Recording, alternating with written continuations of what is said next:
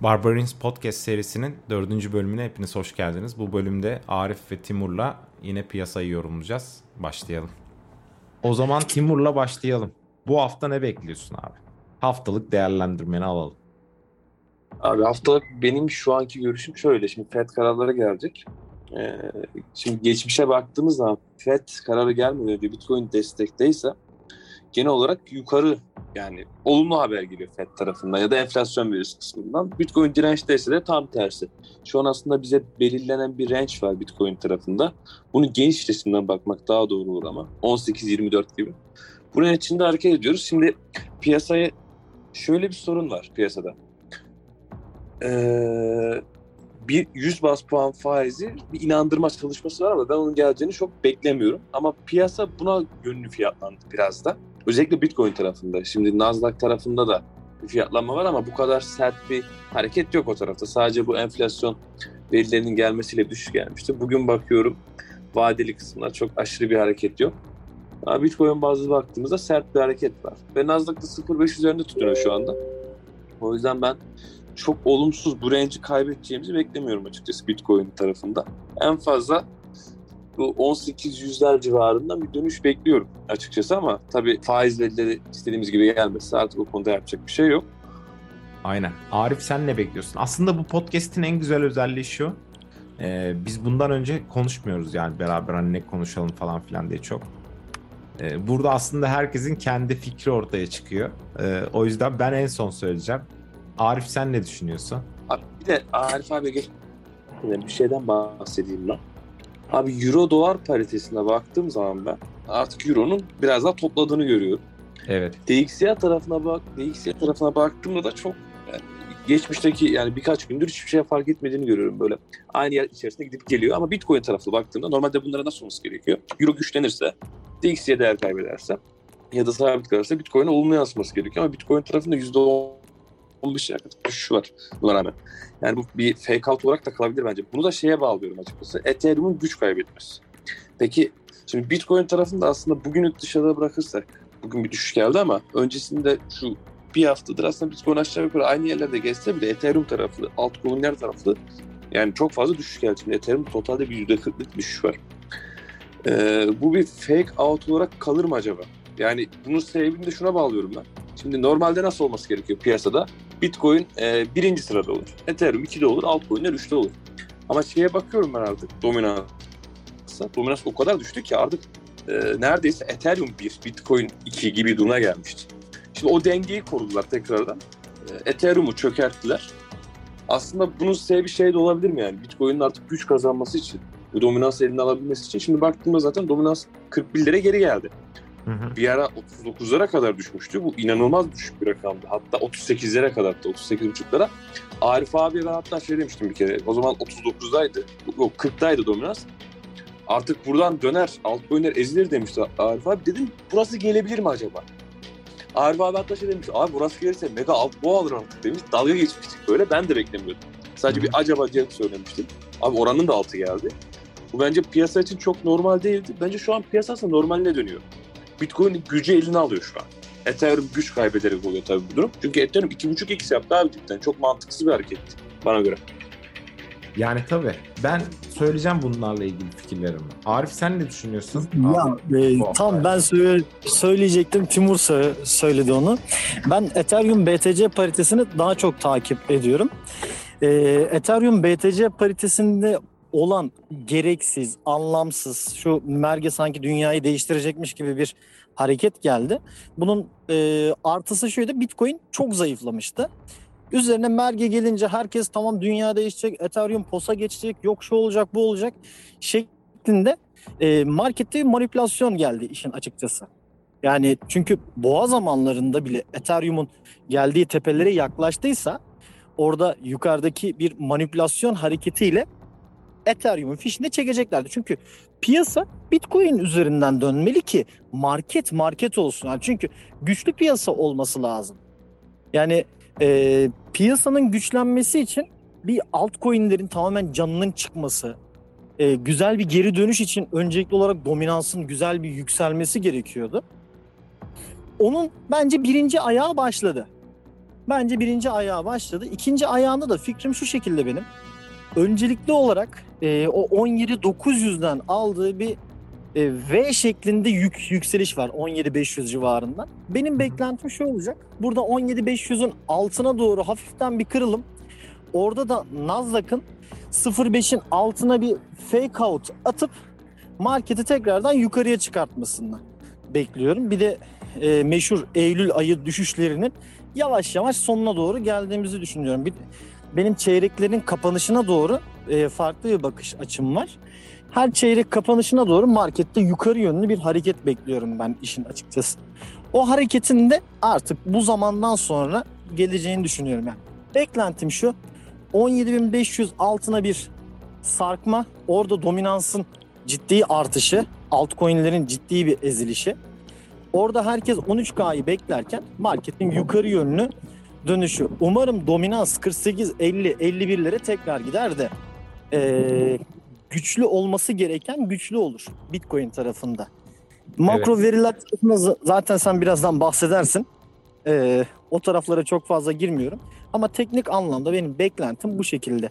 Bir aşağıdan fake out atıp 25K'lara kadar uzanan bir yolculuğun tekrardan başlamasını bekliyorum ben. Ama sonrasını inanın bilmiyorum. Yani şu an en önemli nokta bence 17.500 altta yukarıda 22 ve 21'li seviyeler. Evet. Ya şimdi aslında Ocak'tan beri e, bir düşüş var yani piyasalarda. Bunun da aslında insanları şaşırıyor şu an düşüşleri ama bunlar çok göz önünde olan şeyler. Yani borsa spekülatörün anılarında bir laf söylüyor adam. E, düşüş aslında herkesin gözünün önünde olmasına rağmen düşüşler herkesi şaşırtır diyor. Düşüşler her zaman herkesi şaşırtıyor. Yani şaşırtmamalı. Çünkü zaten dünya e, şu an o kadar parlak değil. Likidite o kadar parlak değil. Bir de en büyük hata şu. e, bu hedge fonlar, smart money dediğimiz yani parantez içinde smart. Aslında o kadar da smart değil. Mesela bir veri var. E, onun atarım grubu grafiğinde.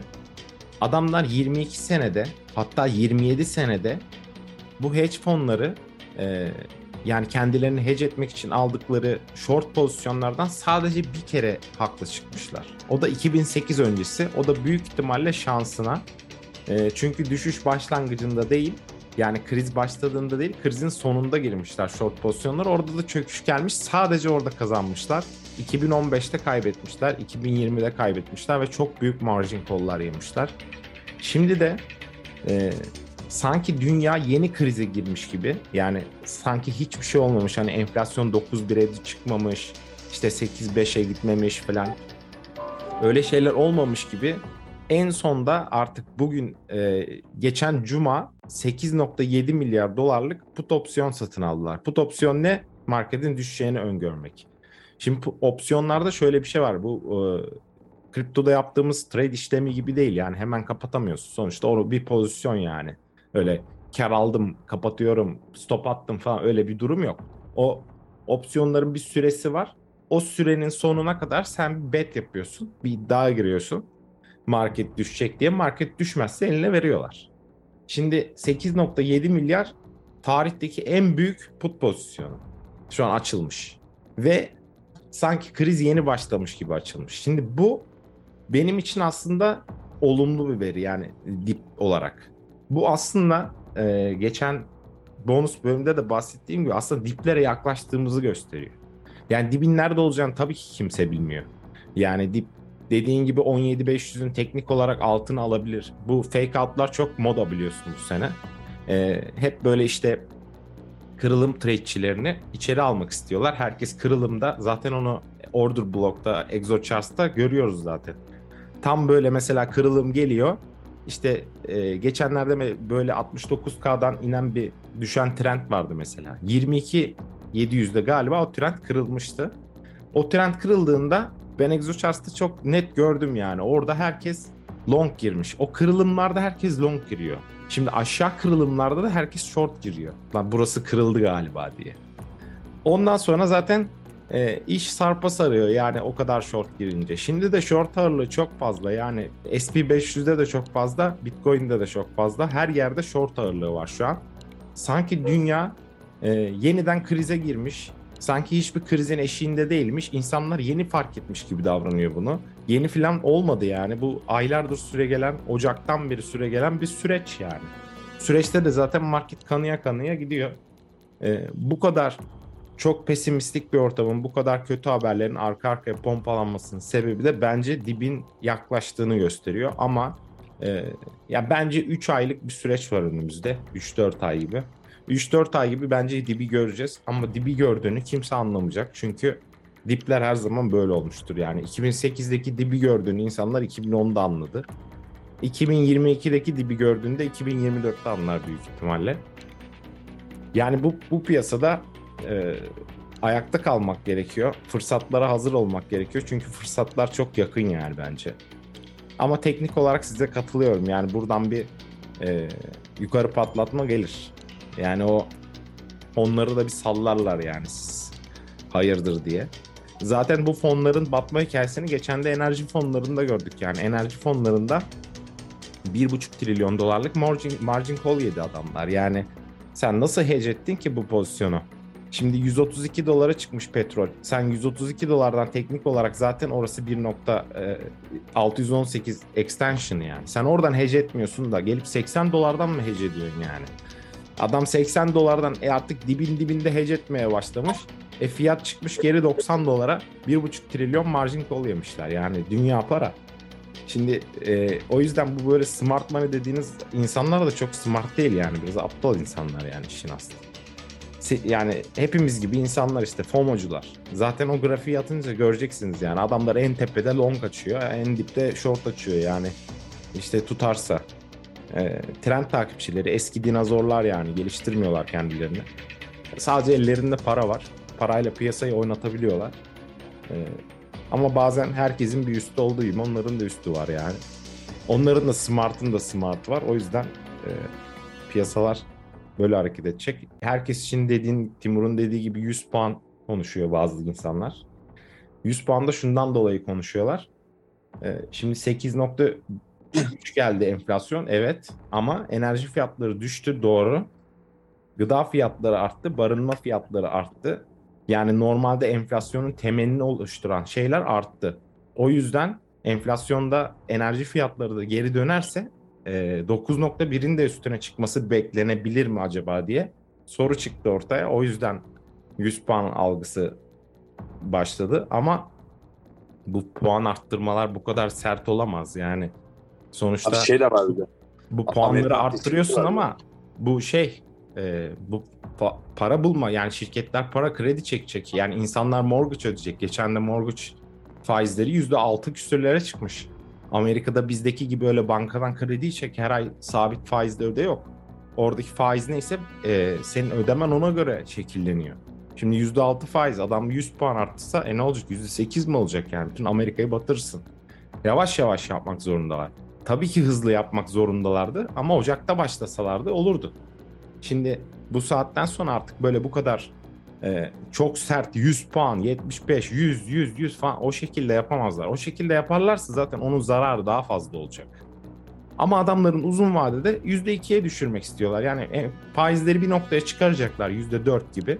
Şimdi quantitative tightening de var. E, şey de satmaya başladılar. O da bir faiz etkisi yaratıyor. İşte mortgage security fonlar, işte e, hazine bonoları falan satıyorlar. Şimdi onlar da faizi yukarı arttırıyor. Onların da sene sonunda 100-150 puan arttırması bekleniyor. Ortalama 4-4,5 gibi faize gelecek. E, enflasyon şu an 8.3. İşte o arada tutacaklar yani %4, %5. O %4, %5'te sabit tutup e, bayağı bir süre o enflasyonun oraya düşmesini bekleyip ondan sonra kademeli düşürecekler. Yani burada şu anda bir anda arttırmanın bir anlamı yok onlar için de. Onlar da farkında zaten bunun. Benim de söyleyeceklerim bu kadar yani. Abi bir de şey de var. 8 Kasım'da Amerikan seçimleri var. Şimdi bu seçimler öncesinde şimdi Powell ne kadar şey siyasete siyasete bulaşmadan yapacağız biz bu işi gibi bir açıklama yaptı geçenlerde ama e, Ben, bunun ben inanmıyorum öyle bir şeye evet. ben de inanmıyorum. Çünkü şimdi 8 Kasım'da şimdi seçim varken marketleri bu kadar çok sıkmazlar gibi geliyor. Çünkü dediğin gibi yüzde yani 100 bas puan faizle artırmak şuydu buydu e, Amerikan piyasasında genel olarak sıkacak bir şey. Buna Ya çok marketler çok umurlarında değil onların. Yani Fed'in hiçbir zaman nasıl? marketler umrunda olmadı Evet, ama e, Genel market abi demek istedim. Mesela dediğim gibi e, tüm kredi çekecek adam faiz artıyor. Aynen. Tüm Aynen. çarkı etkileyen bir durum. Tabii tabii bozarsın yani bu. bir de bir de çok büyük sorumluluk sahibiler. Şimdi bu adam sadece Amerika'nın Merkez Bankası Başkanı değil. Bu adam dünyanın Merkez Bankası Başkanı. Çünkü en büyük likidite orada. Yani adam bir karar verdiğinde bütün dünyayı etkiliyor bunlar. Bir de e, az önce bahsettiğim şeyden tekrar söyleyeyim abi. Bu e, dominansın artmasıyla Ethereum çok güç kazanmıştı hatırlarsınız. Şu an gücünü kaybetti. Bu mesela niye ben birinci olamaz? Ethereum demek istediğimden de bahsettim. Şimdi yapısal olarak Bitcoin halvinglerle beraber yükselme eğilimli bir teknikle yazılmış bir kod. Ama Ethereum'da böyle bir şey söz konusu değil. O yüzden markette yani birinci olması gereken, gücü elinde daima tutması gereken şey Bitcoin. Yani bir Ethereum ne kadar güçlenirse bence piyasa düşüşe o kadar yaklaşmış anlamına geliyor. Ki zaten Ethereum Bitcoin grafiğine de baktığımız zaman e, böyle özellikle bir 85 seviyesi var. O seviyeye geldiğinde genel olarak market büyük dumplara sebebiyet vermiş. Ve bu dump'ı genel olarak Ethereum'dan Bitcoin'lere geçişli olmuş. Bitcoin gücünü eline almış ve Bitcoin gücünü eline aldığı zaman piyasa güçlenmeye başlamış. Piyasa tekrar yükseliş eğilimi olmaya başlamış. Şimdi o gücü hala tam olarak eline alamadı aslında ama en azından bir adım olduğunu düşünüyorum ben. Ya çok Ethereum- fazla. Ethereum konusunda ben çok yorum yaptım. Çok da sordular. Ee, insanların batacağını bildiğim için e, çok fazla yorum yapmadım açıkçası. Ama merge sonrası çok belli değil miydi? Yani 12 Eylül'de CME girdi. CME kontratları girdi. CME'de şey mi yapacaklar yani long pozisyon mu alacaklar Ethereum'a? Hayır tabii ki short alacaklar yani. Merge var, haber var, haber çıkmış. E, CME girmiş. 2017'de Bitcoin CME girince herkes havaya uçtu. Bitcoin 19.000'den 3.000'e düştü yani. Ay- Abi Ethereum Bitcoin partisi %22 değer kaybetmiş. Sadece Aynen. bu bir hafta içinde. Bak Ya biz onu Bitcoin zaten- partisi abi. Ee, onu zaten pair trading de yapmıştık. Ee, Arif test ediyordu onu. Ee, Ethereum'a short, Bitcoin'e long girmişti. O mesela hala duruyorsa dünya kadar karda olması lazım. Müthiş karda o pozisyon ama bu civardan onu hafiften kapatmayı düşünebilirim. Öz- a- a- ama Ethereum short'unu kapatacağım yani. Evet, Bu arada Ethereum ben- short'unu kapatıp Bitcoin long'a ekleyebilirsin. Aynen. Bu Aynen. arada şimdi böyle diyorum da abi ben de. Ee, şu an Ethereum e, BTC grafiğinde de şey Arif abinin kapatma sebebi muhtemelen bu POG noktasında şu an. Yani destek Evet, evet. alabilecek bir noktada. Kapatılabilir yani şu an Ethereum short kapatılabilir. Ee, Bitcoin long'a eklenebilir yani o pair trading'de. Aynen zaten Bitcoin orada ne kadar düştü? 1000 dolar civarında düştü ama Ethereum 1700 dolardan 1200 dolara kadar geldi. Sadece Yani Ethereum partisi %21 diyorum ya. Düşün yani %21 Ethereum Bitcoin'e karşı değer kaybetmiş. Kötü. Yani kötü. Ee, bakalım ne olacak? Haftaya göreceğiz. Yani haftaya değil bu hafta göreceğiz. Bu hafta zaten geçen e, dün de yazdım chatte. Bazı başka şeyler de var yani şirketler gene karlılık açıklayacak. Bir tane önemli şirket var Costco diye. O da açıklayacak mesela. O e, daha önce Home Depot zarar yazdığında Bitcoin %10 dump yemişti. Çünkü bu emlak piyasasında e, adamlar malzemeleri buradan alıyor. İşte kapısını, penceresini bilmem nesini ıvırını zıvırını buradan alıyor. Yani bizim Ikea gibi değil de daha böyle inşaat malzemeleri satan dükkan. Koçtaş gibi olabilir belki. Koçtaş'ın büyüğü yani. Ee, işte büyük tahtalar bilmem neler. Ev yapan adam buradan alıyor yani. Şimdi oranın karlılığı kesildi mi bu sefer emlak piyasası acaba batıyor mu sorusu geliyor. FedEx'te nasıl Amazon acaba karlılık mı düşüyor falan diye gelip bütün market dump yedi. E, onda da aynı hikaye işte. O yüzden o da onu da önemli buluyorum yani. Daha önce çünkü Home Depot'ta başımıza geldi. O yüzden e, SP500'ü takip etmek lazım. Sadece kripto değil yani dünya. Bir sonraki bölümde bakalım neler konuşuyor olacağız. Ben de çok merak ediyorum. Çünkü hayatımda gerçekten böyle bu kadar her yerin sallandığı bir dönem yaşamadım yani. Büyük bir sonraki yayında muhtemelen şey konuşacağız. Fed'in faiz kararlarını. Yani büyük Yakın. ihtimalle insanlar da insanlar da hayatı boyunca bir ya da iki kere yaşar yani böyle bir dönemi. Belki bir kere yaşar. Ee, bu dönemden sağ çıkan çok güçlü çıkar. Ee, sağ çıkmayan da iki sene sonra keşke demeye başlar yani. Öyle diyelim bitirelim. Görüşmek üzere. Hadi görüşürüz. Hadi bay bay.